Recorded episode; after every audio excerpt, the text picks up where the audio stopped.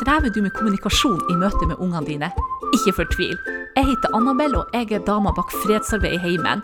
På denne podden skal du få lære å bli bevisst at den viktigste rollen du har, det er å være en leder for dine unger. Og jeg skal hjelpe deg å løse hverdagsutfordringer som dukker opp i familien. Ønsker du min gratis e-bok, gå til annabellstefanussen.no, så får du ti tips som kommer til å hjelpe deg å komme i gang med det samme.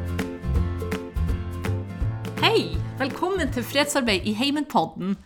Denne podkasten er for deg som er forelder, og som strever med kommunikasjon eller det å skape gode relasjoner i møte med ungene dine. Jeg heter Annabelle, og jeg er dama bak fredsarbeid i heimen. Og jeg har et lidenskapelig engasjement til å hjelpe foreldre til å bli gode på det som jeg kaller for tydelig og vennlig kommunikasjon. Og nå har jeg to gulltips som du skal få i denne episoden hos meg.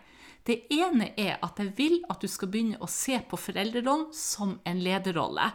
For meg er det å være forelder verdens viktigste lederoppgave. For tenk deg sjøl, hvilke andre ledere er det som må følge de samme menneskene i minimum 20 år? Ikke sant? Vi skal følge dem fra vi setter dem til verden, og til de har landa stødig på egne bein og kan klare seg sjøl ute i samfunnet og har fiksa seg en plass å bo og en jobb. Så hvis du begynner å se på din rolle som en lederrolle, så tenker jeg at du kommer til å skifte litt fokus for hvordan du faktisk snakker til dem, og hvordan du leder dem gjennom barndom og ungdomstida. Det andre som du skal ta med deg i dag, det er å vite at bak enhver frustrasjon eller bak enhver kritikk, så ligger der alltid et udekt behov. Og når du lærer deg å uttrykke behovet i stedet for kritikken, så blir du også oppfatta som tydeligere og vennligere.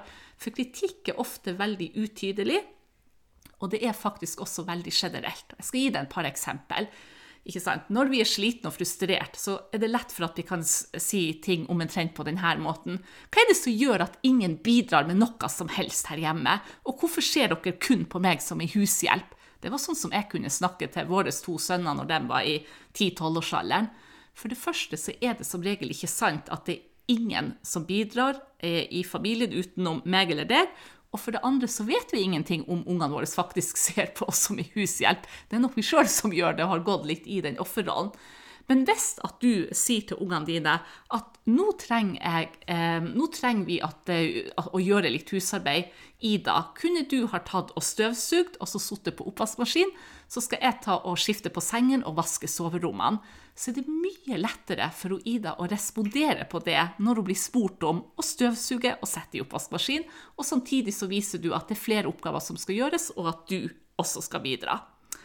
Så hvis du har lyst å følge meg videre, så må du abonnere på nettopp Fredsarbeid i Heimenpodden, og så lover jeg å levere godt innhold, masse inspirasjon, mye humor og entusiasme ukentlig til deg. Jeg gleder meg til å ha deg med videre. Hei da så lenge.